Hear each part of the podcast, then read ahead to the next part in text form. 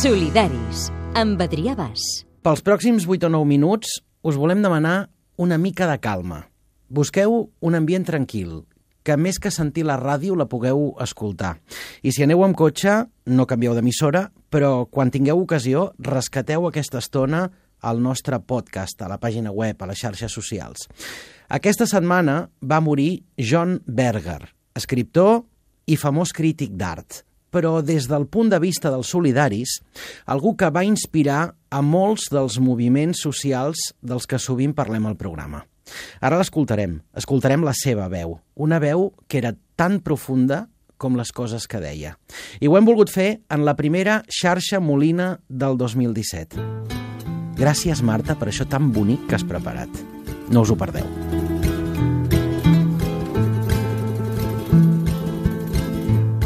L'any ha començat amb la desaparició de John Berger als 90 anys a París.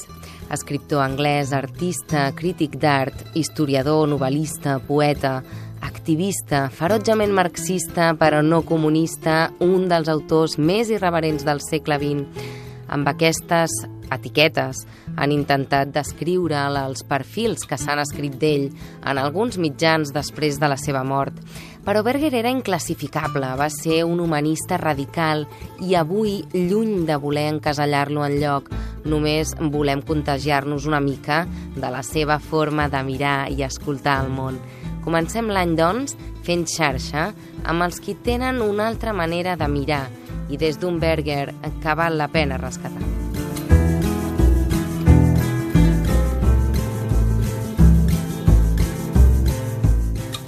Ell deia que la resistència està en saber escoltar la terra, el que fan moltes poblacions originàries del món. Per això avui hem volgut recuperar una entrevista feta pels mitjans independents durant la trobada zapatista realitzada a la Universitat de la Terra a Sant Cristóbal de las Casas, Chiapas, a Mèxic, l'any 2007. Well, I had followed the Zapatista movement from, from its beginning. He seguit el moviment zapatista des dels seus inicis i he llegit força sobre ells i molts dels comunicats del subcomandante Marcos. Fa uns anys, ell i jo ja vam intercanviar unes cartes.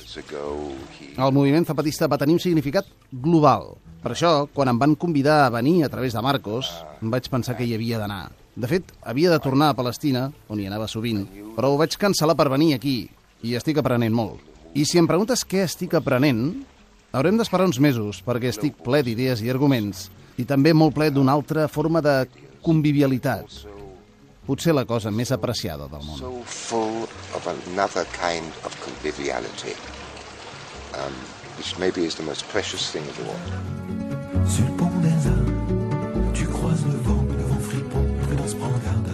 Berger va ser proper també a la lluita del poble palestí.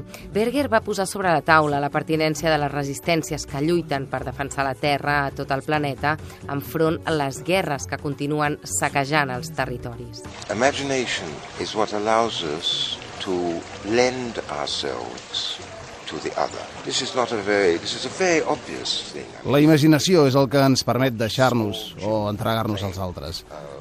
Sembla obvi quan mirem els nens petits jugant pedres amb una peça de roba o amb animals. Immediatament veus com la seva imaginació pot sortir-ne i seguir l'existència i els moviments d'un altre. La imaginació no és inventar arquitectura en columnes. És volàtil i està connectada sempre amb la vida. I vull dir, amb altres vides. Però també la podem veure en relació a una flor o amb la forma com el vent mou un arbre. I si anem més lluny, una de les coses que em va sorprendre més del subcomandante Marcos és el seu llenguatge. Ell és la boca d'un llenguatge polític immensament connectat amb la imaginació, en el sentit en què jo en parlo. I això connecta allò polític, allò global, amb la intimitat. A la cultura europea, en canvi, són dues categories absolutament separades. Entre la nostra intimitat i allò més públic hi ha tot un món. Political mm-hmm. wall between them. Mm-hmm. There is no such wall with you.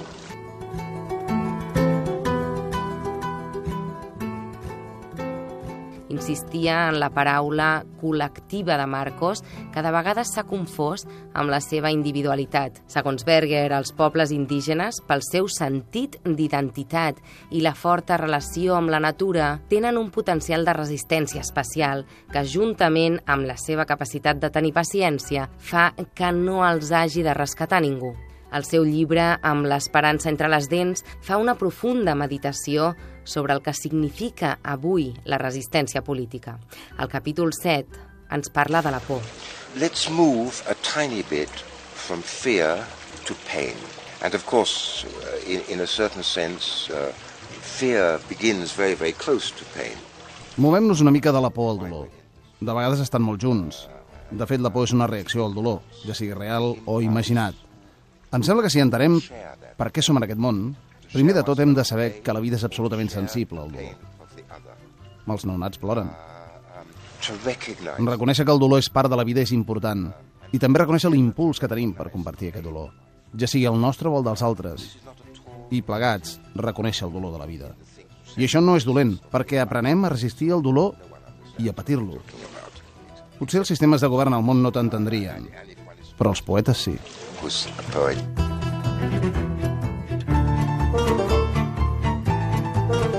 Una de les grans influències de Berger, Walter Benjamin. He was a philosopher poet who was very important to me. One of his most important insights Ell va ser un autor molt important per mi. Deia que si acceptem la història i ens n'adonem que tenim la capacitat de fer història, una de les tasques més importants que tenim és la de redimir el dolor del passat. És com dir, no te n'oblidis del passat.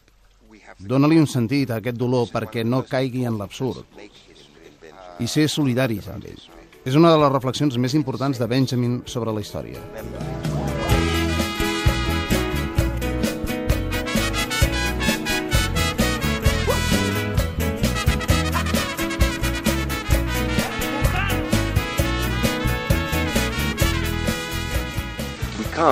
stop there because we also have to recognize that life is also joy. No podem quedar-nos aquí perquè la vida també és alegria i és molt important. Com deia el subcomandante Marcos, si no hi ha dansa a la revolució, la revolució no és per nosaltres. La vida, tot i el dolor, és un regal. I, per tant, tot i el dolor, hi ha d'haver alegria. Pots veure aquest regal entre la gent, en com es comporten, però també només mirant una flor, mirant-hi molt a dins. El que passa al món és que el que importa és la comoditat, i és exactament el contrari d'un regal. La comoditat s'ha de comprar, no és un regal. Gift and commodity are totally apart.